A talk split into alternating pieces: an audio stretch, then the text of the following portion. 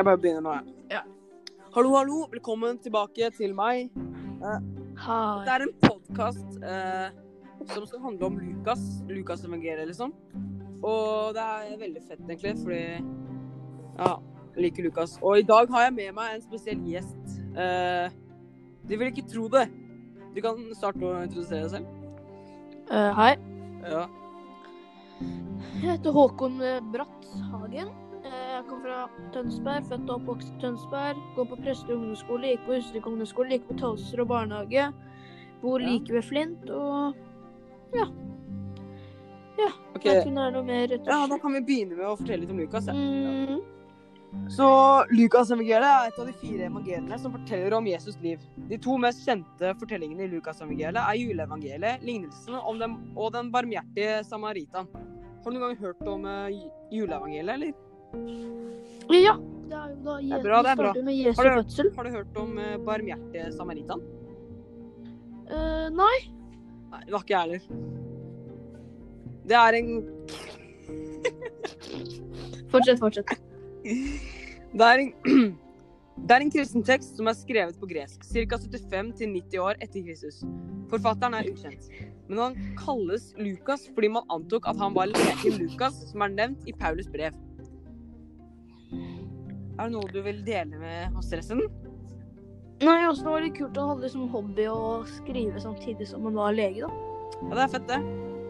Lukas evangeliet begynner med at jomfru Maria føder Jesusbarnet. Eh, hoveddelen i evangeliet handler om hva Jesus gjorde når han samlet disipler og forsynte budskapet sitt. Evangeliet eh, blir populært blant kristendommens historie. Lukas evangeliet forteller om eh, mye at Gud sendte Jesus til jorden og kom med et frigjørende budskap. Evangeliet bruker også mye plass på, Jesus, på Jesus reise til, til Jerusalem. Og de siste tre kapitlene forteller om rettssaken om at Jesus ble henrettet.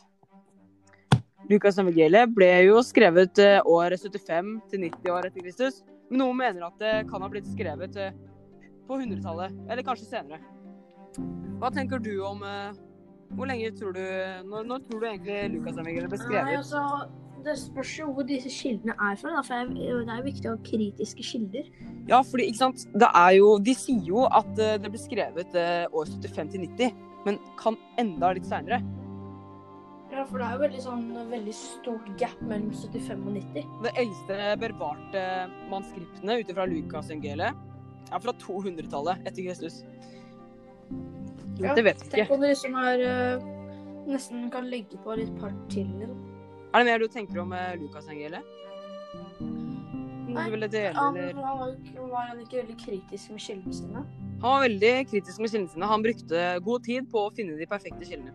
Hvordan, kan, hvordan, hva sier de kildene som sa at han var kritisk til sine kilder? Du, det vet jeg ikke helt. Men hva syns du om Lukas, da? Sånn generelt om Lukas? Fin, fin kar han da, siden han var lege og sånt. Det er jo bra jobb, det. Det er, det er lov. Det er lov å synes det. Jeg er helt enig, jeg. Ja. Skal vi bare si takk for oss da, eller? Uh, ja. Ok, da får vi bare takk for oss. Tusen takk for at du hørte på vår podkast. Håper du lærte noe nytt om Lukas. Um, ja. Da ses vi i Thank neste you for your attention. Ja, ikke minst. Subscribe to PewDiePie.